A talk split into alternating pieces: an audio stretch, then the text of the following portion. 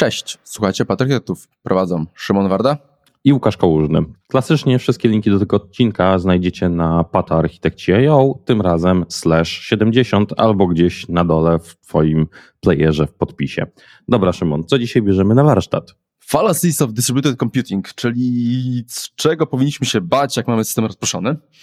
A czego może nie powinniśmy się bać i z czego to właściwie wynika, że niekoniecznie Dobra. powinniśmy się bać? I co, dzisiaj sprawdzimy, jaka jest też aktualność tego, bo chyba przechodząc tak. do, do historii, o co chodzi, to jest rzecz, która się pokazała, kiedy systemy rozproszone zaczynały istnieć, czyli lata 90. Łukasz, może bardziej zaczęły być bardziej powszechne, bo istniały wcześniej, ale były powszechne, powszechne, po prostu. Tak, zaczęło się powszechne, czyli przestaliśmy się powoli logować na jeden serwer, żeby obsługiwać aplikacje więc pojawiało się rozproszenie. I Peter Deutsch, z, plus inni z jego zespołu z Sana wtedy, który królował w takich rzeczach, w latach 90. zaprezentowali właśnie zestaw ośmiu takich błędnych założeń naszego postrzegania, które w tamtym momencie pokazywały istotę problemu i tego, jak tam zaczynał ewoluować IT do tego, co my teraz znamy. I dość ciekawie, jak na tamten okres to w prosty sposób też przedstawiały te założenia. Więc chyba nie ma co tracić czasu i przejdziemy sobie po prostu przez nie po kolei i skomentujemy. Tak, lecimy. Pierwsze. Network is reliable, czyli mówimy, że sieć jest niezawodna i że wszystko zawsze nam dotrze i że wszystko z siecią będzie zawsze w porządku. Tak bardzo, bardzo dużym skrócie. I co tu mamy? Z mojej perspektywy to jest tak. Zależy na co patrzymy, bo jeżeli patrzymy na komunikację między backendami, to to się poprawiło znacznie. Tu widzimy poprawę strasznie między czasem, kiedy fallacies były, były to pisane, tak naprawdę. Obecnie sieć z reguły działa. Z moją jedną uwagą, potrafimy nagle przełączyć się, potrafimy nagle zgubić jakiś pakiet, ale z reguły retry to ogarnia. Najczęściej gdzie to widać, z mojego doświadczenia, to jest połączenie z bazą danych relacyjną. Tam faktycznie są sytuacje, że mamy przypięcie, ale retry to z reguły ogarnia. A z drugiej strony urządzenia mobilne to dalej jest zawodne. Znaczy, powiedzmy sobie, że to, że sieć jest niezawodna, to największy problem będzie występował nie w obrębie systemu, tylko klient system. Tak, bez dwóch zdań tak. To jest tam problem. Jedna rzecz, której się y, mogę zaśmiać, że i tak osobny punkt, podpunkt powinien być do DNS-a, że zawsze coś zawiedzie, bo zawsze wina DNS-a. Tak, albo się nie odświeża, albo coś w tym stylu. Dokładnie tak. Albo się gdzieś to zwali. Dobra, czyli powiedzieliśmy sobie o tym, że właśnie przełączanie inne rzeczy, czyli co, trzeba mieć świadomość load balancerów, które mamy i wszystkich transparentnych rzeczy, które są pod spodem, które gdzieś celowo nawet wsadziliśmy w naszą infrastrukturę i że żyją Retry jeszcze circuit breaker. Czasami, jeżeli mówimy o integracjach z zewnętrznymi rzeczami. Nie poznaję tyle lat namawiania i jednak się udało. Zawęziłem z zewnętrznymi systemami. Tak, Wewnątrz nie. retry wystarczy w większości przypadków. Tak, ale w sumie dobrze dotknąłeś właśnie, że w ramach wewnętrznej komunikacji między naszymi backendami to problem występuje w małym zakresie, bo występuje, ale w małym zakresie. Faktycznie on będzie istotny ze systemami zewnętrznymi, ale to z reguły nie przez samą sieć, tylko przez to, że te systemy zewnętrzne mogą też nawalić. Ale dla nas to będzie w sumie nawet to samo tak naprawdę. Na to samo się skończy. Dobrze, idziemy do kolejnego? Wiesz co, tak, w sumie tutaj nie ma sensu dalej przy tym, więc może podsumowując tak, ten problem nadal występuje, ale już w zupełnie innym zakresie, czyli głównie my, świat zewnętrzny albo klient do naszego systemu. Dokładnie. Kolejny. Latency is zero. Czyli mówimy, że ten narzut, ta latencja na połączenie jest zerowa i w ogóle połączenie będzie praktycznie zawsze i będzie wszystko szybko się tak, działo. Tak, opóźnienia.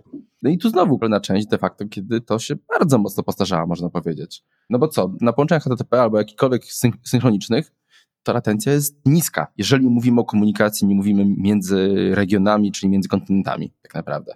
No nie jest już w ogóle problemem, o tak. Tak. Są sytuacje, kiedy nas to realnie zaboli, ale dla mnie osobiście to jest latencja ma znaczenie, ale to jeżeli mówimy o systemach opartych na wiadomościach i tu jest latencja do spójności systemu. Tutaj dużo bardziej występuje. Z komunikacji synchronicznej ta latencja jest znikomym problemem. W asynchronicznej jak najbardziej występuje, ale to już jest trochę inny zakres niż oryginalnie było myślone. Czyli y, problem jest fajnie jeszcze, jak mamy właśnie dużo małych requestów, tak jak teraz, ale znowu to jest klient do naszego systemu. Tak, szczególnie Tak. właśnie sieci, sieciach mobilnych tak naprawdę, bo Tak, tam nie kiedy- więcej się może dziać. Tak, kiedy tych requestów nawalamy, zresztą odpalmy Facebooka i zobaczmy sobie, ile tych requestów idzie, jak próbujemy załadować Walla. Tak, ale znowu z dużą ilością małych requestów będziemy mieli problemy też z bardzo wieloma innymi e, zachowaniami, więc jednak ta agregacja requestów jest konieczna tak naprawdę. Tak, też te opóźnienia są fetyszyzowane. Tak ogólnie, żeby to musi być Tak. szybkie i w ogóle w większości systemów to się nie sprawdza.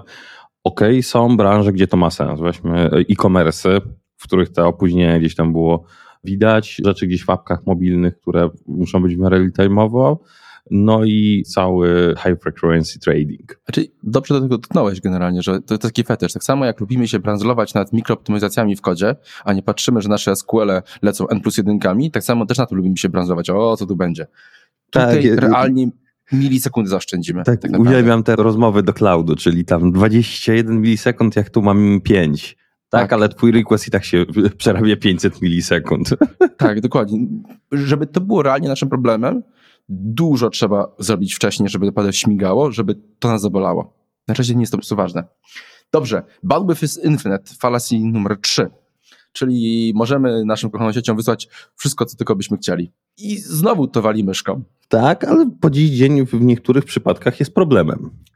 Jest, i tu mamy jak zwykle, powiemy sobie o mobilkach, ale dla mnie problemem dużo częstszym to jest to, że zaboli nas, jeżeli przesuwamy zbyt dużo, zaboli nas deserializacja tych obiektów naprawdę, zanim zaboli nas częściej sieć. Tak naprawdę. Tak, plus wszystkie jakieś rzeczy procesowe, które baczowo ci przewalają, że się nie zmieszczą w oknie, etc. I znowu to jest gdzieś na poziomie często e, albo złego podejścia do tego po prostu, że zakładamy, że przewalamy za dużo na raz, tak naprawdę zamiast gdzieś sobie to zbuforować, przerobić. Druga rzecz gdzieś infra na przykład, czyli wszystkie migracje, backupy inne rzeczy, w których zaczyna to się robić triki pod spodem. Tak, ale właśnie powoli dochodzimy do tego wniosku, tak naprawdę, że fallacies obecnie, też teraz będziemy o tym później mówili, że one bardziej zostały zepchnięte na poziom infrastrukturalny, a nie na poziom tego, co powinniśmy i co realnie jest zagrożeniem na poziomie architektury systemów tak naprawdę. Mamy dużo więcej abstrakcji od tych lat 90. I niektóre nawet pomagają. Tak, i są mniej liki niż by się wydawało. Dobrze, fallacy numer cztery. Network is secure.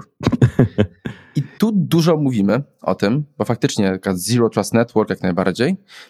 Czy to jest realny problem większości systemów? Nie mówię, że wszystkich, większości systemów. Najczęściej on jest secure, jeżeli mówimy o naszych backendach, które trzymamy. Albo najczęściej jest secure enough, może tak to powiedzmy, bo powiedzenie, że on jest bezpieczny, to jest inna bajka. Tak, z perspektywy sieci, bo tutaj całość polegała na tym, że sieć może być gdzieś naszym problemem, że będzie takim błędy w konfiguracji sieci albo tego, jak jest zrobiona, że będą powodowały, że to ona może skompromitować nasz system. Tak. Więc całość tej zabawy w dzisiejszych czasach trochę inaczej wygląda. Tak, co jest ważne, to znowu komunikacja klient, nasze backendy, czyli weryfikujmy certyfikaty. Bo pod tym względem man in the middle to jest realne ryzyko. Znaczy, głupio byłoby y, obudzić się no, z portkami spuszczonymi, że tak powiem. Więc całość technik, inne, jeżeli ktoś jest leniwy, wszystkie serwis mesze, inne zabawki też powodowały to, że gdzieś zamykały sam MTLS, zamyka cały problem, jeżeli mówimy wewnątrz systemu, pomiędzy systemami takiej komunikacji. Tak, i z reguły wystarczy tak naprawdę. To jest realny problem, jeżeli zaczynamy mieć własną platformę, na której utrzymujemy wielu tenantów wewnętrznie. Tak. I to faktycznie, ale to jest bardziej na poziomie tym, że chcemy zabezpieczyć naszą komunikację, żeby przypadkiem coś nie wyciekło poza ramy, które byśmy chcieli. Mniejsze ryzyko, że nagle nasza aplikacja zaczyna słuchiwać wyradnie tak naprawdę. I wiesz co, warto dodać tutaj tak naprawdę, że te wymagania trafimy też, jeżeli ktoś pracuje w jakiejś branży regulowanej, to i tak zapewnienie tego choćby na poziomie MTLS-a czy TLS-a plus jakiś OAuth inne rzeczy wynika z regulacji. Tak. Że trzeba zapewnić integralność tego ruchu, który przychodzi, czyli de facto pod spodem TLS-a. Tak, ale to znowu budujemy sobie kolejne warstwy, przez które potencjalny atak, potencjalny problem deweloperski nie wycieknie tak naprawdę. Tyle. Dobra, następne. Fallacy numer 5. Topology doesn't change, czyli nasza struktura, jak jest ułożona nasza cała sieć, jest niezmienna. I dla mnie to, co się dotknę najczęściej, to jest znowu, wracamy do tego, co powiedziałeś wcześniej, czyli DNS-ów i objawia się najczęściej przez kaszowanie HTTP klienta, który robi tego resolve, jak go stworzymy tak naprawdę, czyli pobiera mapowanie DNS na IP. W zależności od języka są różnie to jest zaimplementowane. Tak, ale najczęściej o ten problem chodzi. Więc jedna rzecz. Druga to jest po dziś dzień hardkodowanie IP-ków i fetyszyzacja z sztywnych IP-ków. Czy w ogóle wszędzie, gdzie mamy tego IP-ka, no to trzeba uważać, bo to się faktycznie potrafi zmienić. To jest jedno. Druga rzecz, która jest trochę właściwie, ale znowu wchodzimy, że jest to część infrastrukturalna w dzisiejszych czasach, w sumie też do tego e, dochodziło, jakby nie popatrzeć, tylko tam były tego początki. To, że kto inny zarządza tą infrą i wprowadza tam zmiany. Zgadza się. Mamy też lepiej ułożone te procesy, mamy lepiej ułożone w ogóle jak infra działa i te urządzenia po prostu działają lepiej, tak naprawdę. Tak, ale korpo przypadki, że ktoś zgubił reguły na firewallu, bo coś wymieniał, czy rozwalił routing, to jest nadal codzienność. Tak, ale to fajnie pokazuje to, że kiedy to publikowano, to były falacje, którymi realnie powinni przejmować się architekci aplikacyjni i systemowi. A tutaj de facto po raz kolejny pokazujemy to, że bardziej tym się zajmują osoby zarządzające infrastrukturą, taką powiedzmy kabelkami, firewallami tak, i tak dalej. Albo na styku tych dwóch dyscyplin. Dokładnie, tak. Dobrze. Fallacy numer 6. There is one administrator. Czyli, że mamy jednego administratora, czyli jedna osoba wprowadza zmiany w obrębie tego, co się dzieje wokół naszego systemu. I to jest chyba dead, że tak powiem, nieżywe, najbardziej nieaktualne. Tak, jest wielu adminów i trzeba się z tym pogodzić i z zarządzaniem. I to jest ten moment przechodzenia z właśnie rozrostu tego IT.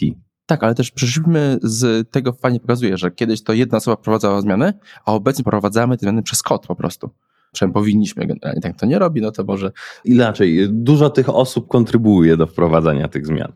Tak, dokładnie. Ale no. widać, widać, widać to, ta wiedza nie siedzi w czyjejś głowie. To jest bardzo ważne. Więc... Y, powinna nie siedzieć w czyjejś głowie. No tak, się. Dobrze. Wiedza plemienna do dzisiaj jest problemem, ale tutaj o tym nie mamy. Fallacy y- numer 7. Transport cost is zero, czyli że przesyłanie danych nas nic nie kosztuje. I tu jest kilka tak naprawdę, bo obecnie nas kosztuje, chmura nas za, zabiluje. Tak, za transfery, więc tak, tutaj to jest ciekawe, transfery się pojawiły. I e, to kosztem. są realnie, te koszty nie są duże, ale jeżeli mówimy o ilości, które przesyłamy, one potrafią być zauważalne zdecydowanie. Szczególnie, że mamy usługi, które są bilowane też per dane wchodzące. Albo przeprocesowane. Yy, tak, ale to na samo się skupia. Z mojego punktu widzenia to jest, zanim nas zaboli sieć, koszt transportu, to zaboli nas będzie realizacja, czyli ponownie wysyłanie do dużych obiektów. No, e, całe przepisywanie, e, moduła przepisywania na JSONa potrafi kopnąć, chociaż teraz no, jest trochę już lepiej, jeżeli popatrzymy na na moc obliczeniową, ale znowu green coding, inne te trendy też ciekawie to unormują. Ale to ile byśmy CPU nie mieli de facto, no to szkoda marnować cykle, nawet czasami 30 albo więcej procent, na cały czas deserializowanie obiektów JSONowych. To dalej jest dość duży narzut. nie oszukujmy się. Dobra, i przejdźmy do ostatniego. Dobrze. O falacji numer 8. Network is homogeneous, czyli sieć jest taka sama, można powiedzieć, generalnie jest spójna, jest się podobna. Co? Jest to prawdą, ale już nie w części aplikacji, a infry. Tak, znaczy na poziomie, na poziomie aplikacji nas to po prostu z reguły nie interesuje tak naprawdę. Tak, trzeba być świadomym, że sieć potrafi dać ciała, ale już przestaje nas to interesować. Tak. Boli nas zresztą, jak są jakieś klastry między kawki i klastry redisowe i klasy, gdzie musimy się między wieloma data center komunikować i jakieś tak, fallbacków, ale to jest dość dalekie strategie tak naprawdę. Tak, druga sprawa, jakieś kompatybilności ze sobą implementacji protokołów, innych rzeczy, weźmy na przykład, że Juniper potrafi się tam z Cisco pogryźć, czy inne były y, historie. Teraz tego coraz mniej jest, no ale nadal niekompatybilności pomiędzy sobą. Tak. Dobrze, więc podsumujmy tak naprawdę. Łukaszu, pierwszy, pierwszy wniosek. Pierwszy, takie całość jest taka, że trąci to myszką, w niektórych punktach dla większości przypadków. Dla, dla architektów aplikacyjnych systemowych. Dla architekt, tak, może tak, architektów aplikacyjnych, systemowych. Jeżeli popatrzymy od strony infrastruktury, to część z tych rzeczy nadal jest realną rzeczą do zaopiekowania po stronie infra. Teraz. Przesunęliśmy ten poziom abstrakcji w dół. Tak, ale też fajnie pokazuje, że problem dalej na poziomie infra występuje, ale jego ryzyko i zasięg jest dużo, dużo mniejszy. True. Dobrze. Uwaga na kaszowanie DNS-ów. To tak zaboleć i nieraz widziałem i jest ciężkie w debugowaniu. Później na to bardzo ludzie wpadają, że nagle to może być problemem de facto. Dlaczego automagicznie restart aplikacji pomaga? Yy, tak, dokładnie. To naprawdę potrafi spędzić wiele, wiele godzin i nie wiadomo czemu. Tutaj nie powiedzieliśmy jeszcze właśnie kaszowanie, TTL, cała ta konfiguracja, która za tym idzie. Jeżeli popatrzymy też na tę całą część taką sieciową, inną, w wielu przypadkach wystarczą rzeczy, które dostajesz gotowe z pudełka w ramach swoich abstrakcji mhm. E, i robisz by the book. i retry w większości przypadków cię uratuje wewnątrz twojego systemu. I też dodajmy, że z reguły jest konieczny. Przy mojej perspektywy na poziomie komunikacji z bazą relacyjną on z reguły jest konieczny. Szczególnie, że mówimy o tak, w on-premie też się zdarza, że trzeba to ponowić i tyle, nie ma co. Jest dobrym zwyczajem. Dobra, i w sumie jeszcze taka myśl, te wszystkie powyższe problemy, one wystąpią, ale często w wielkiej skali właśnie albo na poziomie infry. Nisko, nisko poziomowo. Tak, i nie ma co się nad nimi bransolować na poziomie, co będzie, jeżeli w większości sytuacji, e, bo realnie będzie dużo więcej problemów wcześniej, zanim one wystąpią tak naprawdę. Tak. A jeżeli musisz się tym przejmować, to mam nadzieję, że przez skalę, bo wtedy masz fajne problemy. Tak, bo one wystąpią w jakimś tam promilu przypadków, ale jeżeli ilość przypadków jest dostatecznie duża, to będą dostatecznie częste. Tylko to się po prostu do tego sprowadza. W korp aplikacjach z reguły tej skali nie ma. Dobra, to co? Kończymy. Kończymy. Na razie. Hej.